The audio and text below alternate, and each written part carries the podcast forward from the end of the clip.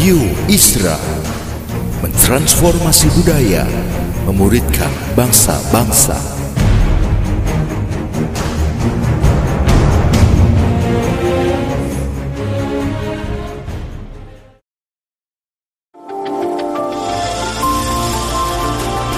Voice of Pradaim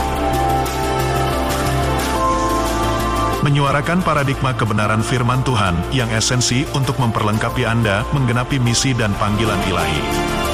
Selamat mendengarkan.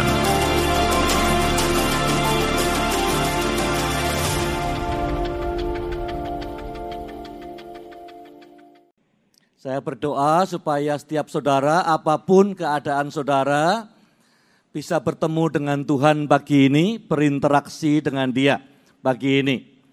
Saya belajar Alkitab berkali-kali, saya lihat setiap kali orang ketemu Tuhan Yesus selalu pergi dengan keadaan yang berbeda. Jadi saya berdoa, Bapak Ibu sekalian, apa pun yang engkau sedang hadapi, engkau alami hari-hari ini, ya saya berdoa pertemuan dengan Tuhan Yesus lewat firman-Nya pagi ini bisa seperti doa tadi membebaskan, melepaskan, melegakan hidup kita. Tidak hanya itu, tapi lewat kita banyak orang lain akan dilegakan juga. Amin. Mari kita berdoa sebentar sebelum kita baca firman Tuhan. Bapak, terima kasih untuk kesempatan menyembah Tuhan. Banyak orang di bagian dunia lain yang tidak punya kesempatan menyembah Tuhan dengan bebas. Terima kasih karena tanganmu tidak terlalu pendek untuk setiap kami. Dan telingamu tidak terlalu jauh untuk mendengar doa kami. Terima kasih karena engkau berjanji Tuhan. Bahwa engkau dekat dengan kami dan selalu menyertai kami. Tuhan terima kasih untuk pagi ini, untuk firman-Mu. Biar mengalir bersama roh kudus sehingga masing-masing kami boleh ketemu dengan Tuhan, dilegakan, dibebaskan, di-empower. Terima kasih Tuhan. Dalam nama Tuhan Yesus kami berdoa. Amin. Ibu bapak sekalian, saya mau nyambung apa yang saya sampaikan pagi tadi. Untuk itu tadi pagi saya bicara tentang Abraham. Ya. Nah sekarang saya mau bicara tentang Yakub, Ishaknya saya lewati. Ya.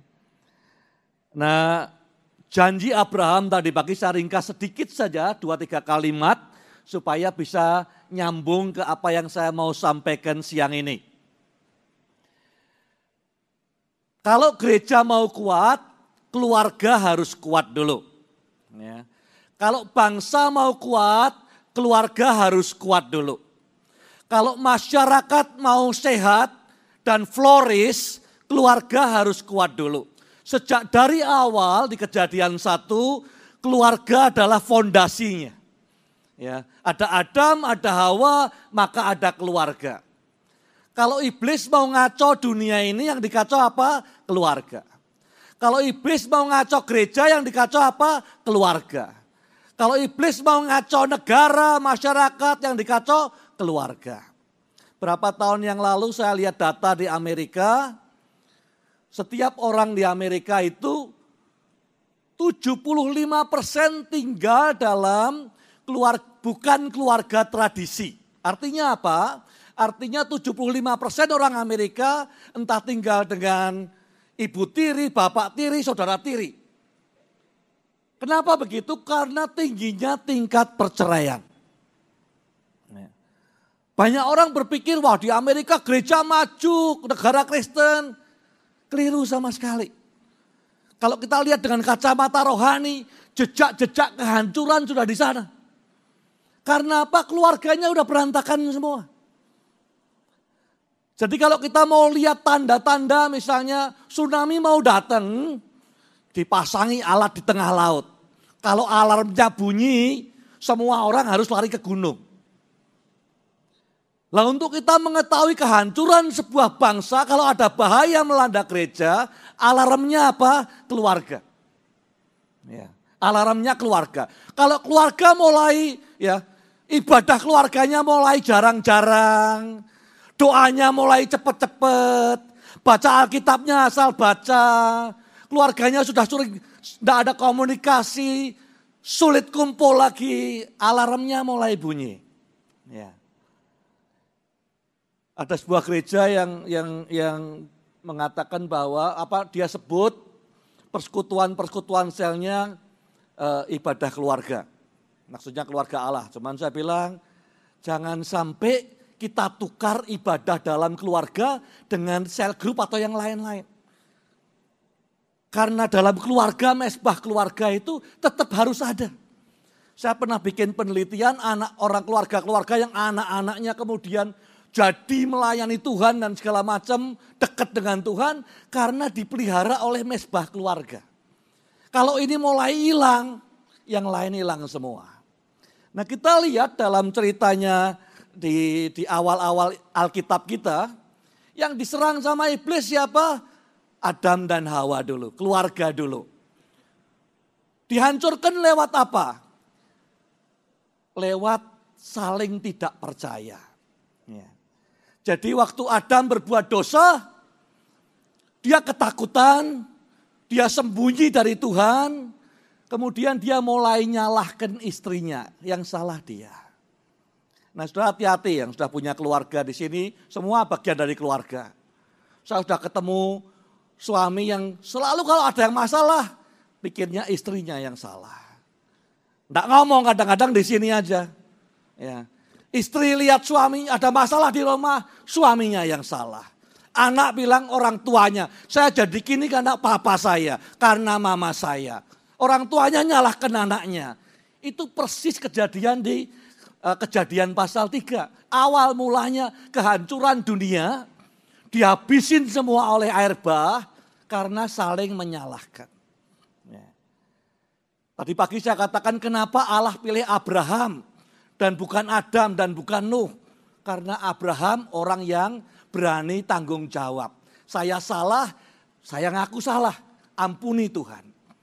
Kita sering nyalahkan bangsa ini banyak korupsi, banyak kejahatan.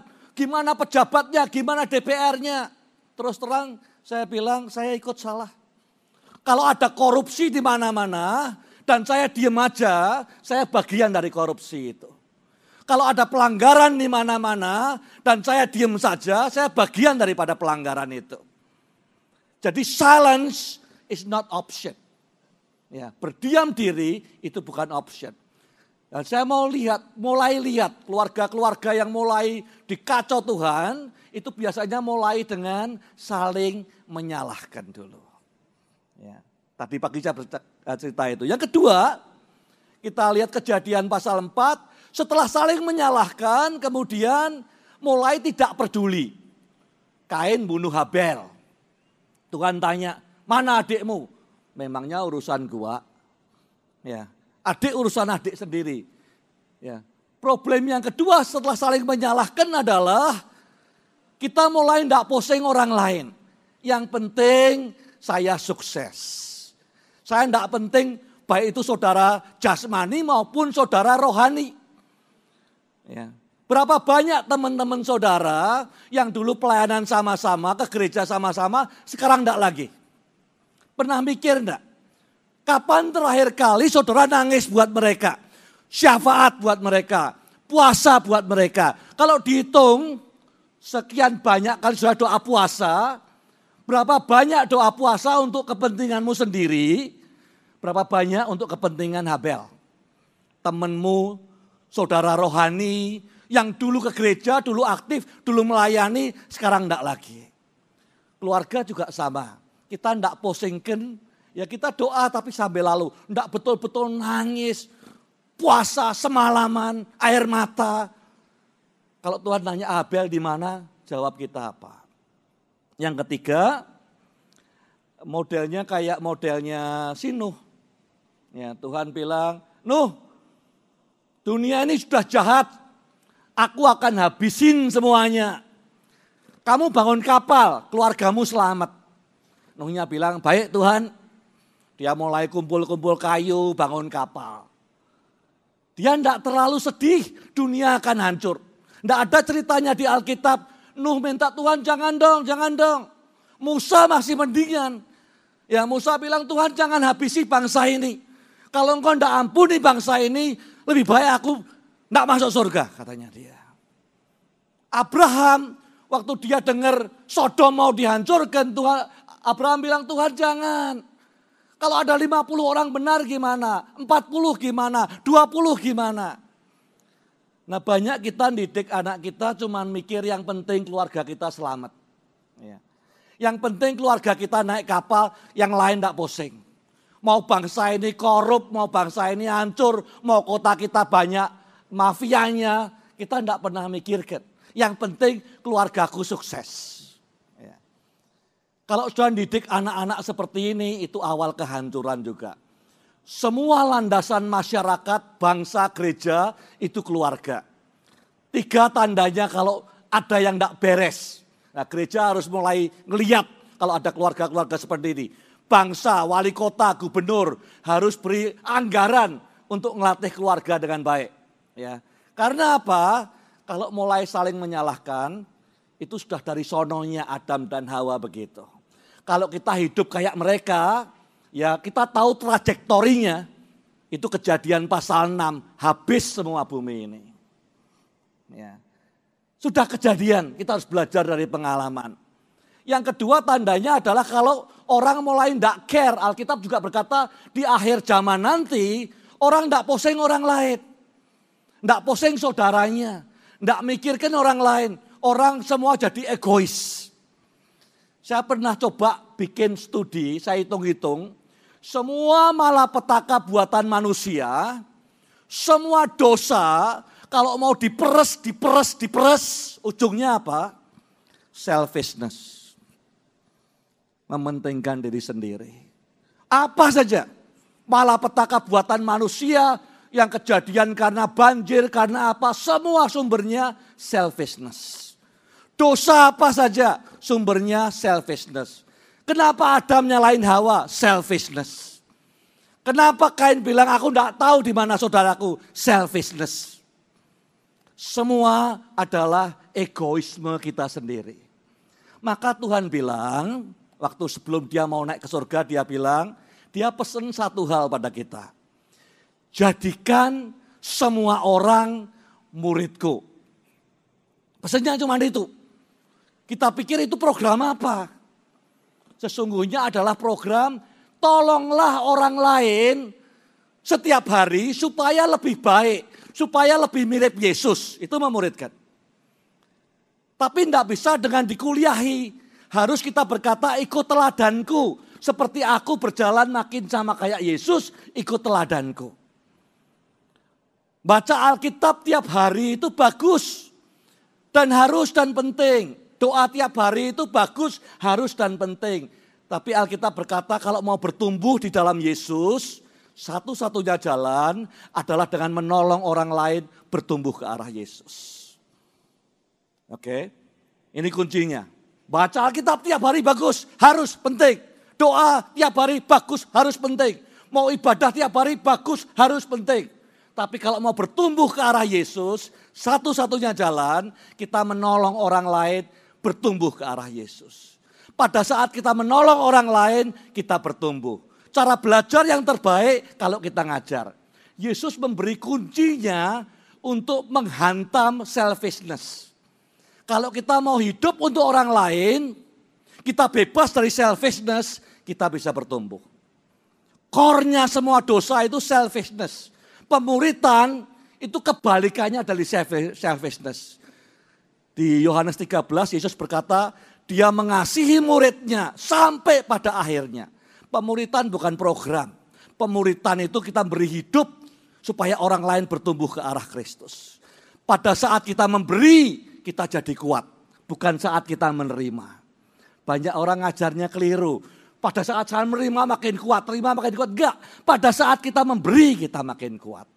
Tadi pagi saya sampaikan janji Abraham itu bukan pada saat kita diberkati. Janji Abraham adalah pada saat kita memberkati bangsa-bangsa. Karena berkat itu pasti lewat hidup kita.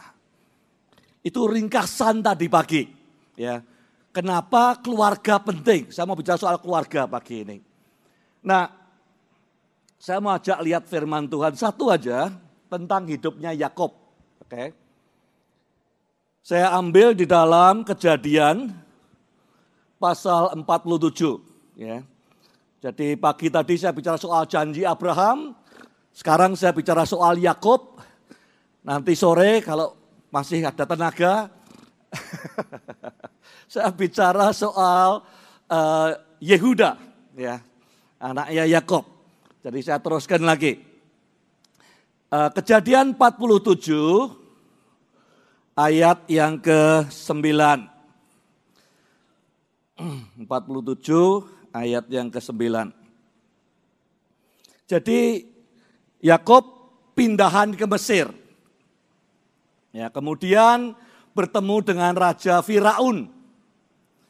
Ditanya oleh Firaun, sudah berapa tahun umurmu? Oh, ayat 8. Kemudian dijawab oleh Yakob, tahun-tahun pengembaraanku sebagai orang asing berjumlah 130 tahun.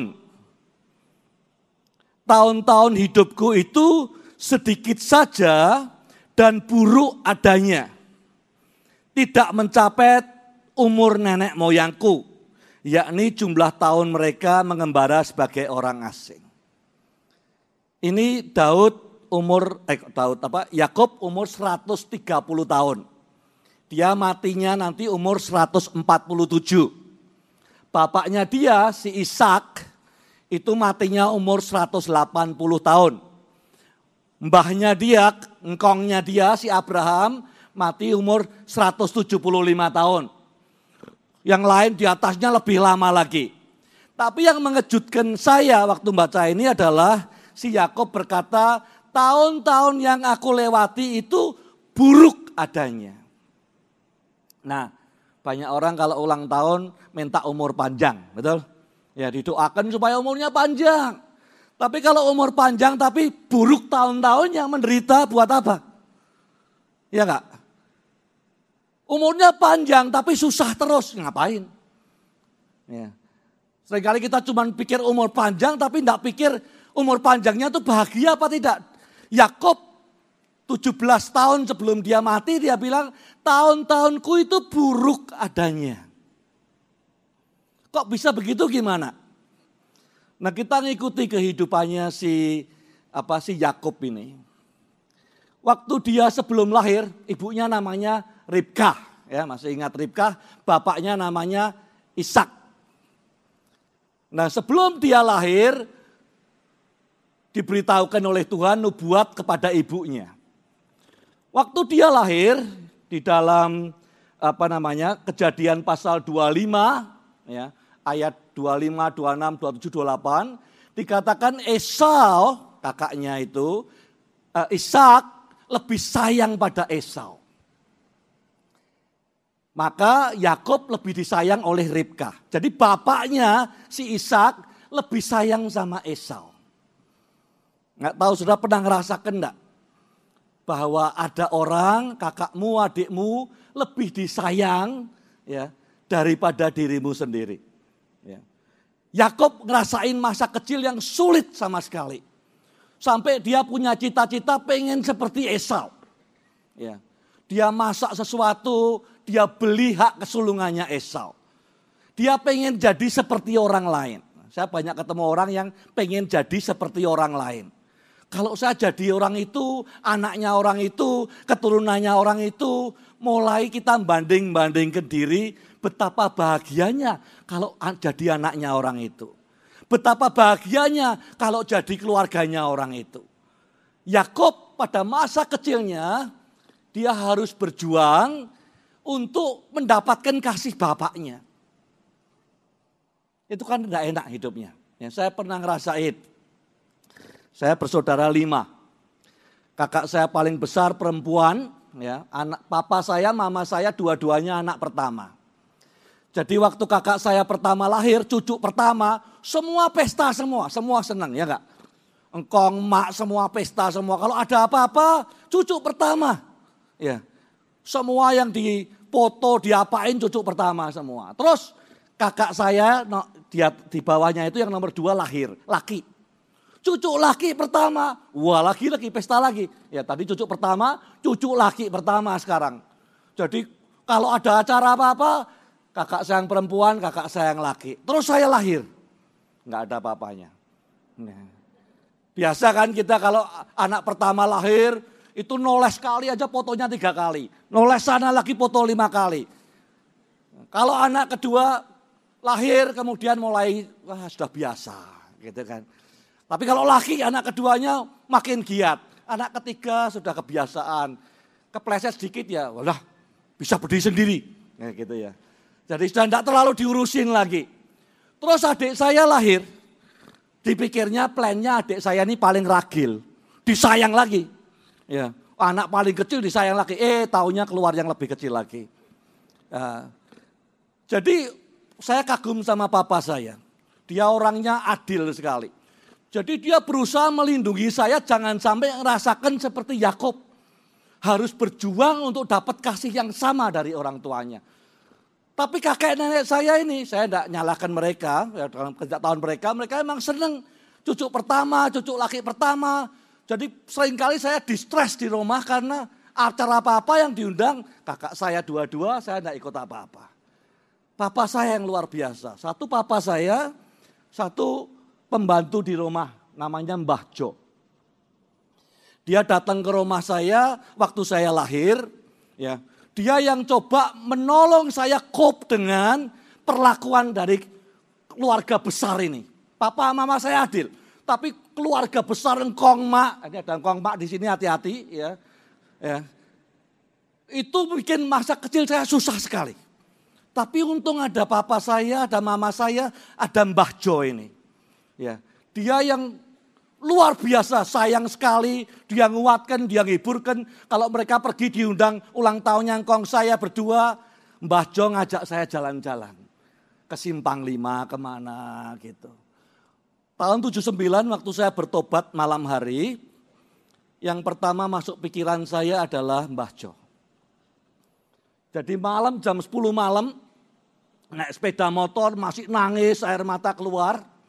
Sampai rumah, yang buka pintu siapa? Mbah Jo. Lalu saya duduk, saya cerita sama dia, saya ketemu Tuhan Yesus.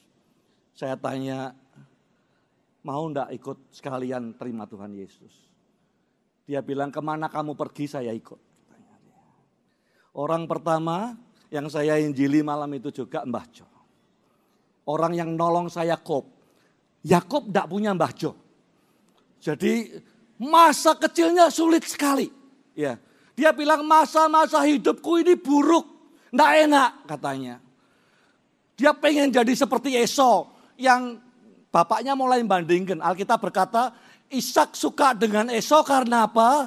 Karena keren, berbulu semua, ya rasanya gagah, pemburu, hebat, jantan. Satu itu, dua, pinter masak. Ya. Jadi kalau habis berburu, Ishak bilang masakan sate kambing, sate rusa yang enak. Nikmati sekali. Jadi Ishak ini juga kalau zaman sekarang seneng tur kulineri kira-kira. Ya. Anak saya nomor dua itu uh, sous chef. Jadi senang kalau dia masak. Saya bilang saya senang sekali masaknya paling enak. Ya.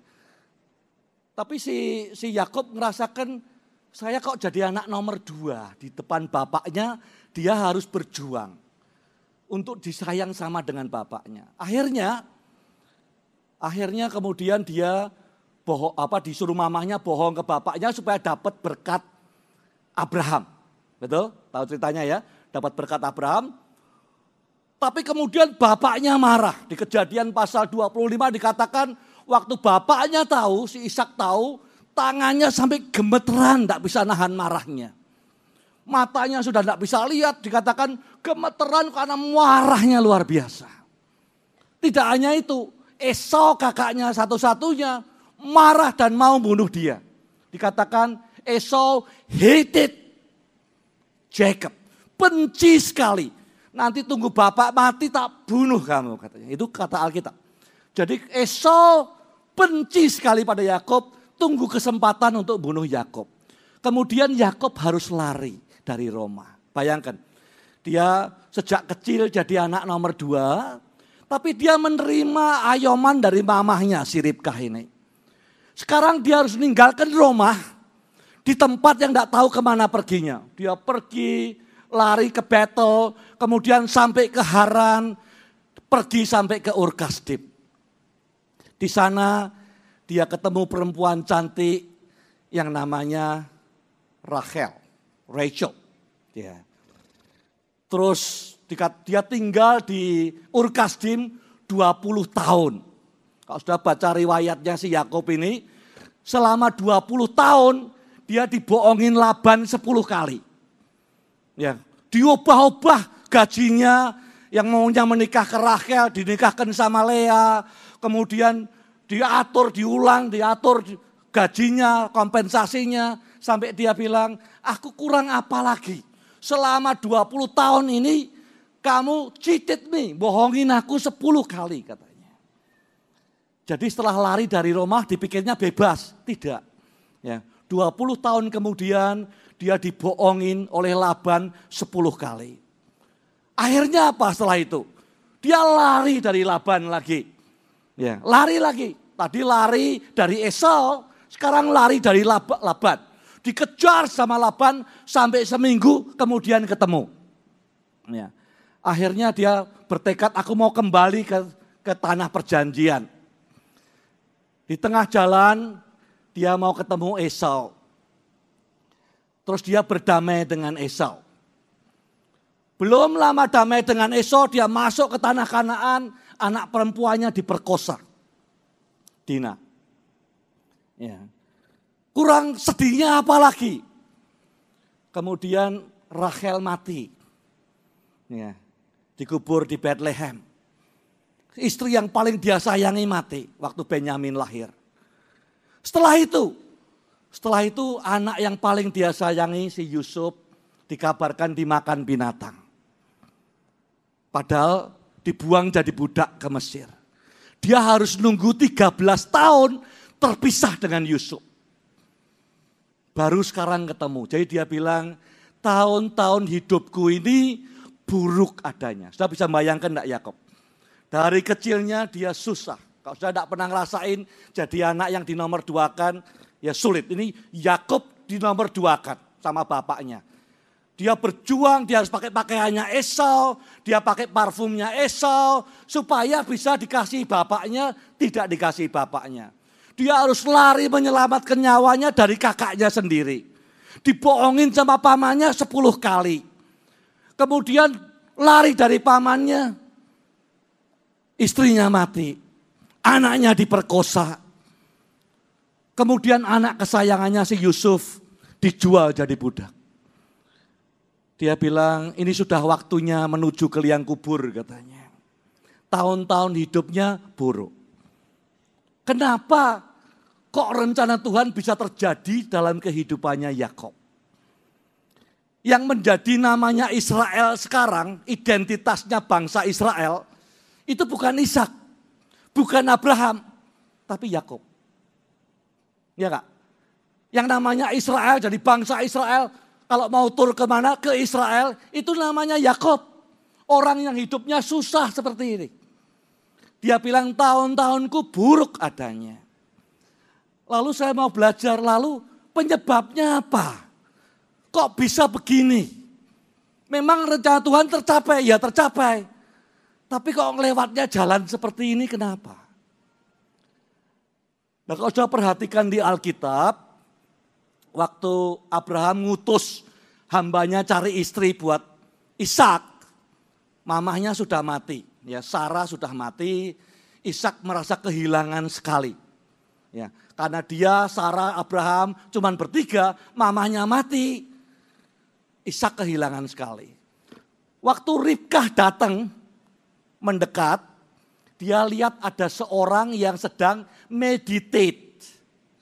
Ya, menyendiri di padang gurun. Terus Ribkah bertanya, siapakah orang itu? Dia tanya kepada orang-orang yang jemput dia, pelayannya Abraham, si Eliezer. Eliezer bilang itu adalah tuanku Ishak.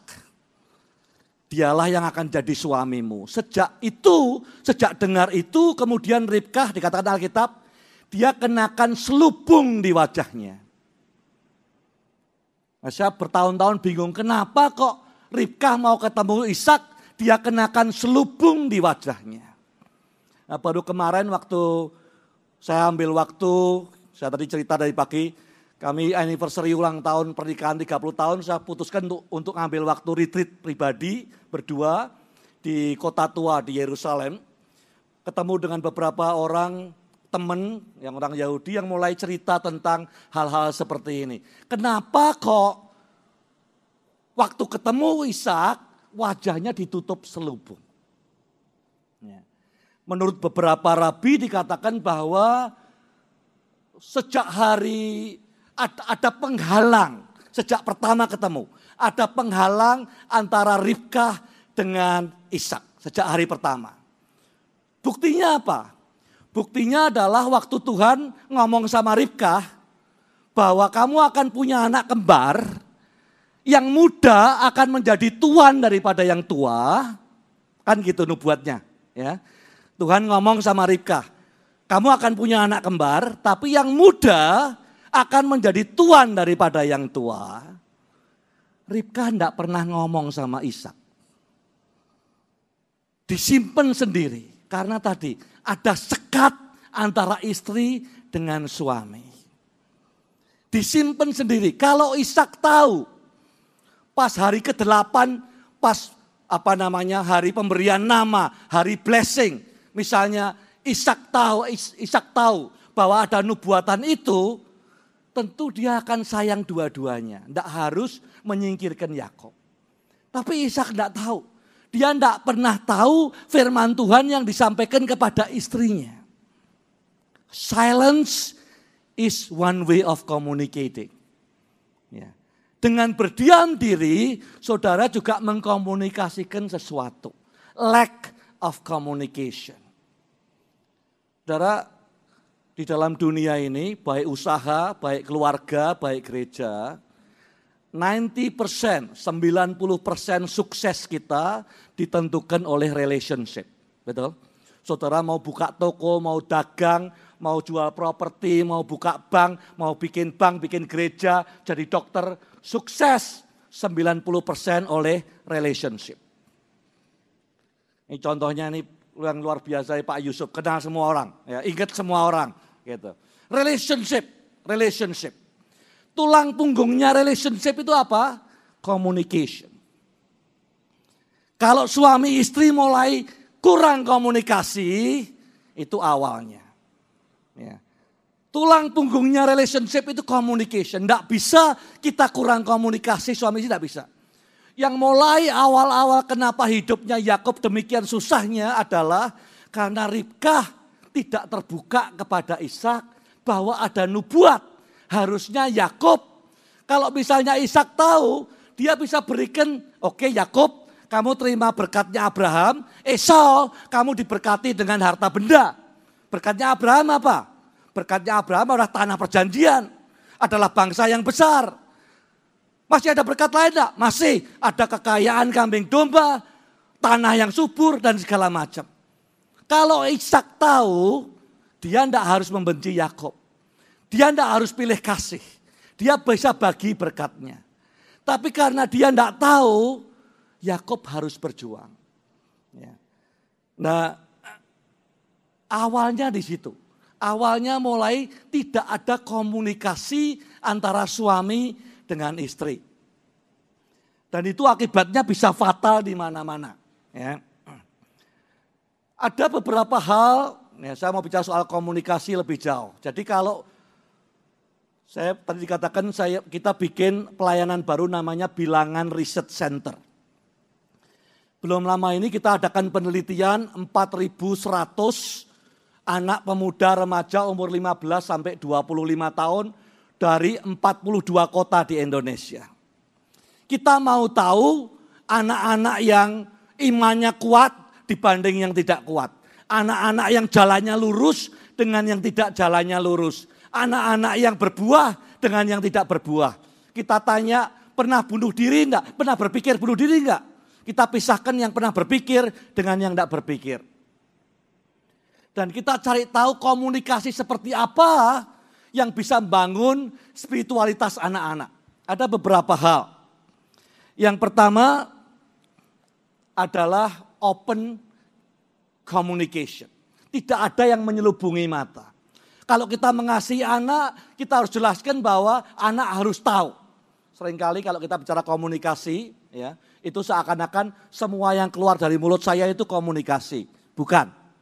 Komunikasi hanya yang sampai ke telinga saudara. Ya. Kita ngomong bisa seribu bahasa, yang sampai cuma satu, itu yang komunikasi. Seringkali perhatian kita kalau komunikasi dengan istri, suami, anak, hanya apa yang mau saya sampaikan. Itu bukan komunikasi. Komunikasi adalah apa yang saya mau tak, saya mau istri saya tahu, anak saya tahu, orang lain tahu. Kalau ini tidak sampai ke telinga mereka, itu bukan komunikasi. Itu buang-buang waktu namanya. Ya. Kita harus clear dari awal apa saya ngomong dengan istri, saya ngomong suami, saya ngomong dengan anak, dengan orang lain. Harus jelas dulu sebelum saya ngomong, yang saya ingin dia tahu apa. Itu baru namanya komunikasi. Kalau kita belum mendefinisikan apa itu sukses dalam komunikasi, ya kita buang-buang waktu saja.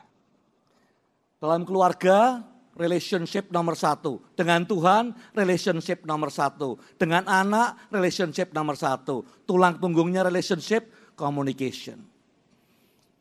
Sangat tidak mengherankan dalam penelitian ini, yang sangat menolong anak-anak untuk spiritualitasnya berkembang dengan baik dibanding dengan yang tidak baik adalah kalau dia diperlakukan adil oleh orang tuanya.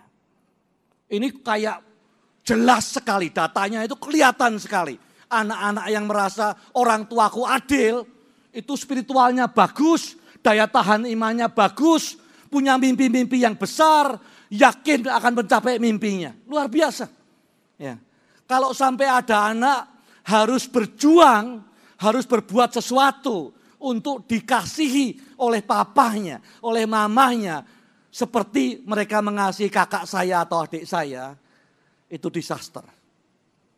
Dan itu akan nyambung terus. Dan sudah akan lihat ya bagaimana Daud diperlakukan oleh orang tuanya, eh, Yakob diperlakukan oleh orang tuanya, dia perlakukan sama dengan istrinya. Nanti siang saya akan eh, sore akan bicara tentang bagaimana Yakob lebih mengasihi Rachel daripada Lea.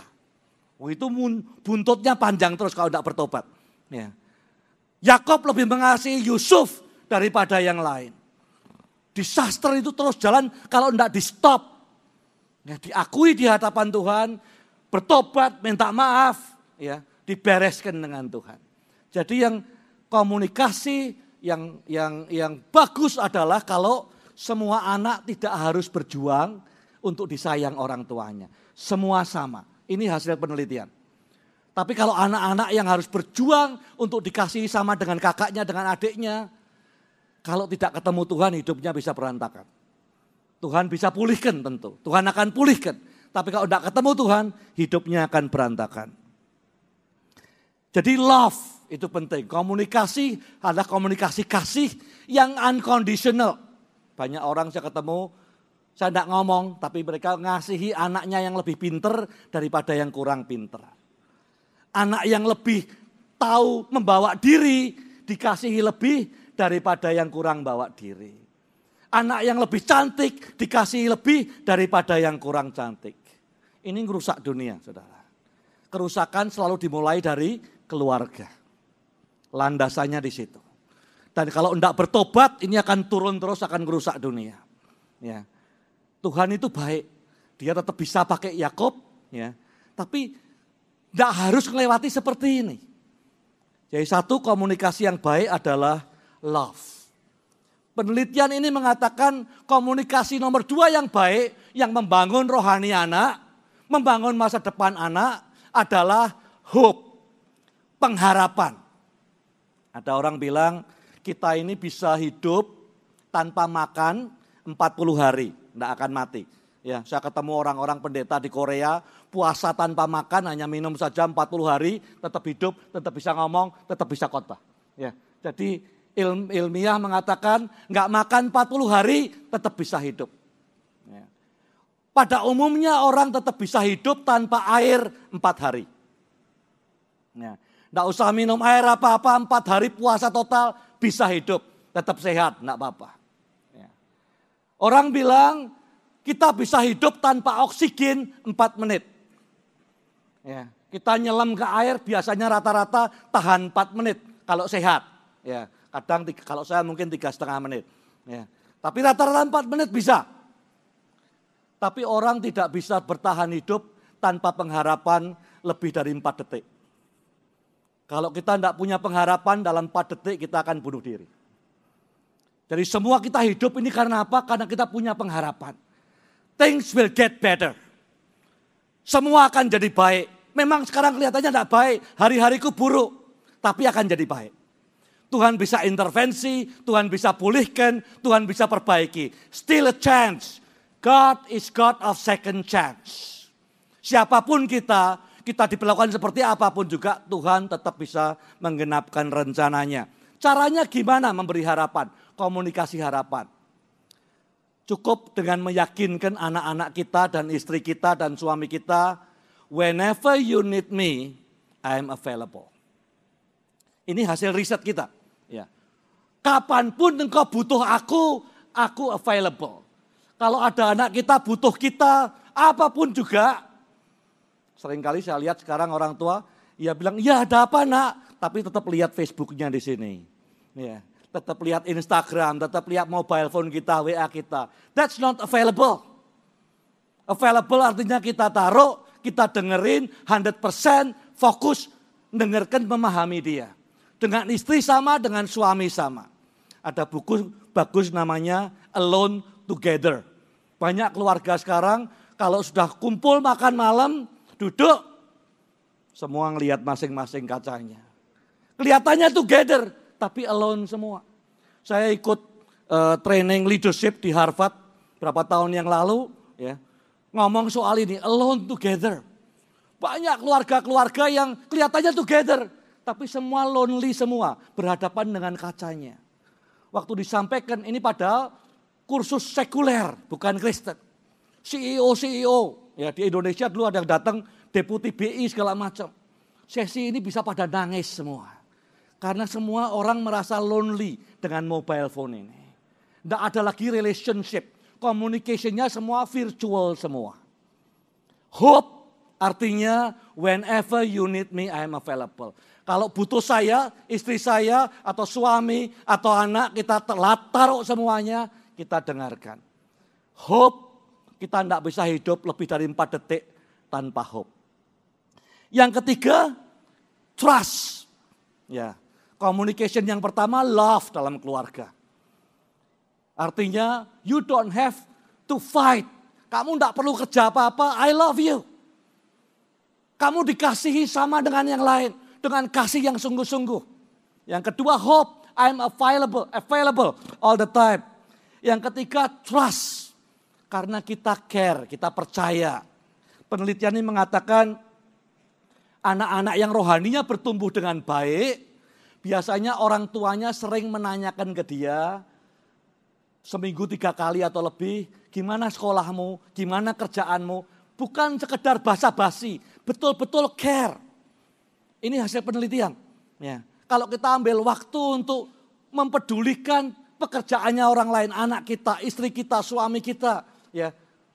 How is work?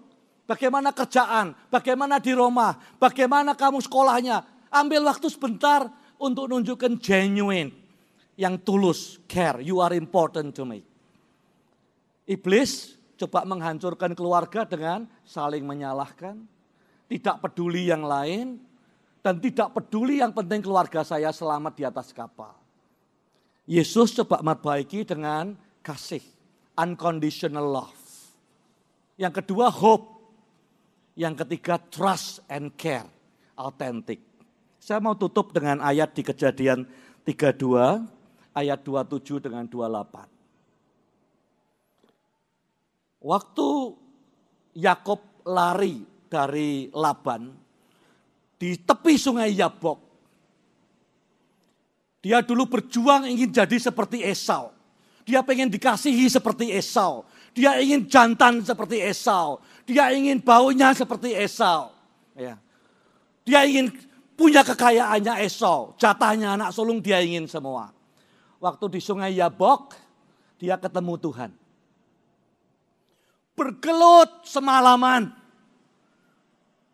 Tuhan sejak sampai pagi Tuhan berkata, sudah cukup aku mau pergi. Yakob bilang, kalau engkau tidak berkati aku, aku tidak akan lepaskan engkau. Once in a lifetime ketemu Tuhan.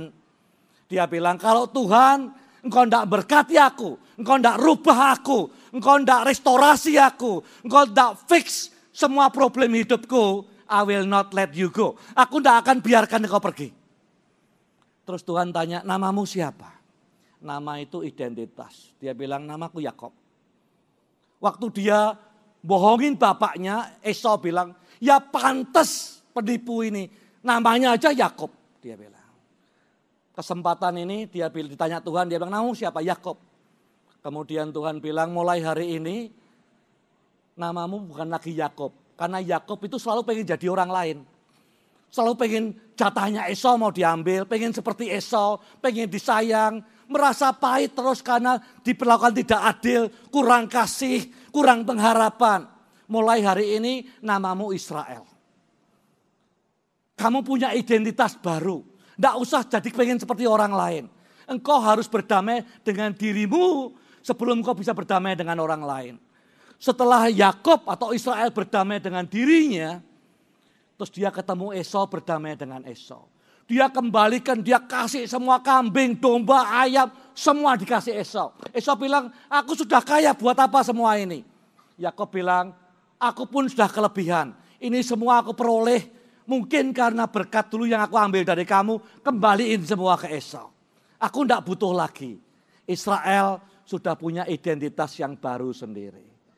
Tidak ingin jadi seperti orang lain. Steve Jobs, waktu dia didiagnosa kanker pankreas, sudah tidak ada harapan. Tiap pagi dia lihat di kaca, dia bilang pada dirinya sendiri.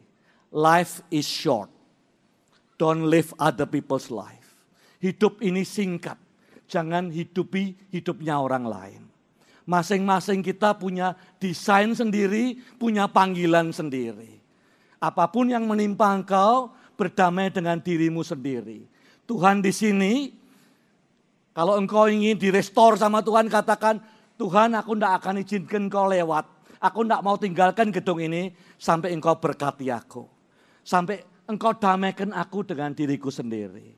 Keluarga dipulihkan, baru gereja dipulihkan, bangsa dipulihkan. Amin. Mari kita berdoa.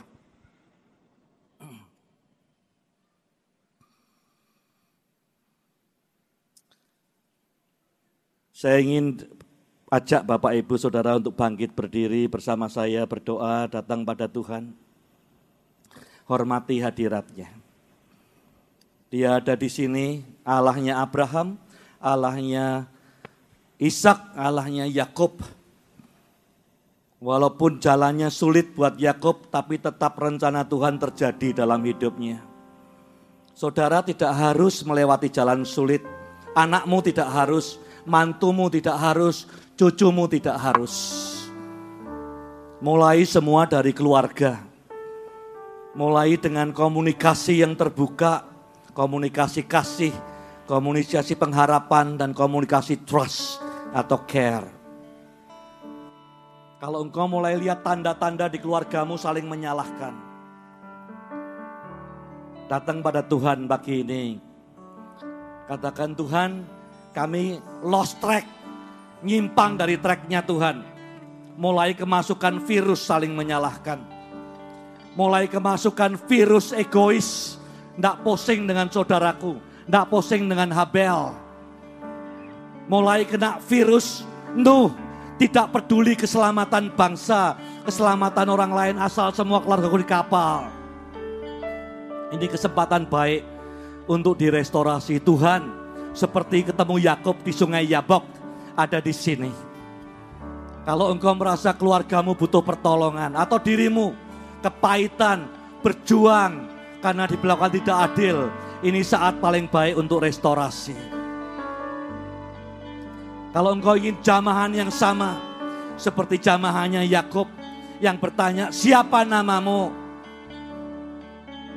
Saya undang kau angkat tangan di tempatmu karena pagi ini, siang ini Tuhan hadir untuk merestorasi identitas saudara. Selama ini engkau ingin jadi seperti orang lain. Tidak berdamai, engkau tidak bisa menerima keadaanmu sendiri. Dan kau berkata, is enough, enough is enough. Kalau ada di antara saudara yang mau dipulihkan, dibereskan, supaya tidak usah melewati jalannya Yakub yang susah.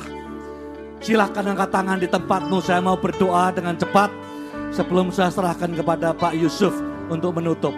Apakah ada yang ingin dipulihkan?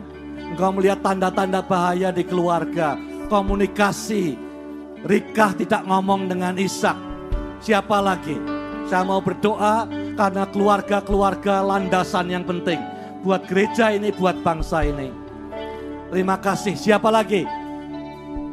Gorela masih nama rantiana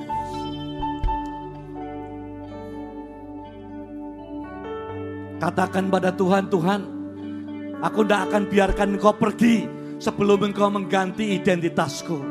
Sebelum engkau menolong aku berdamai dengan diriku sendiri. Kalau engkau perlakukan anakmu dengan tidak adil, angkat tangan juga, doakan dia. Cucumu dengan tidak adil, angkat tangan, doakan dia. Katakan minta ampun, minta maaf. Ya. Korela masih nama. Kalau engkau kurang komunikasi, suami istri, ada banyak hal yang disembunyikan. Bereskan hari ini. Karena semua yang tidak terungkap itu akan menghantui kita, menghancurkan keluarga kita. Siapa lagi angkat tangan? Ini waktu pemulihan keluarga, pemulihan hati. Tuhan genapkan seperti rencananya pada Israel, pada Yakob akan terjadi dalam hidupmu, tapi dimulai pagi ini, siang ini. Terima kasih Bapak. Lihat tangan-tangan yang terangkat, Hamba sungguh berdoa Tuhan Yesus. Hati yang hancur ini. Kalau ada yang berkata seperti Yakob, hari-hariku itu buruk. Tuhan pulihkan, Tuhan robah siang ini. Menjadi hari-hari yang baik ke depannya. Hari-hari yang berbuah, hari-hari yang fulfilling, hari-hari yang prevail buat Tuhan. Terima kasih Bapak. Kalau ada keluarga-keluarga yang komunikasi tidak lancar di sini. Biar ada breakthrough siang ini. Di tangan-tangan yang terangkat ini Tuhan Yesus. Beri kuat keluarga-keluarga di sini. Komunikasi lancar, komunikasi kasih, tidak saling menuduh, komunikasi harapan, tidak egois. Terima kasih Bapak, terima kasih. Terima kasih Tuhan. Kuatkan keluarga-keluarga ini Tuhan. Biar dari keluarga-keluarga ini lahir keturunan-keturunan ilahi. Yang perkasa. Yang perkasa di atas bumi untuk kemuliaan Tuhan. Wajahmu.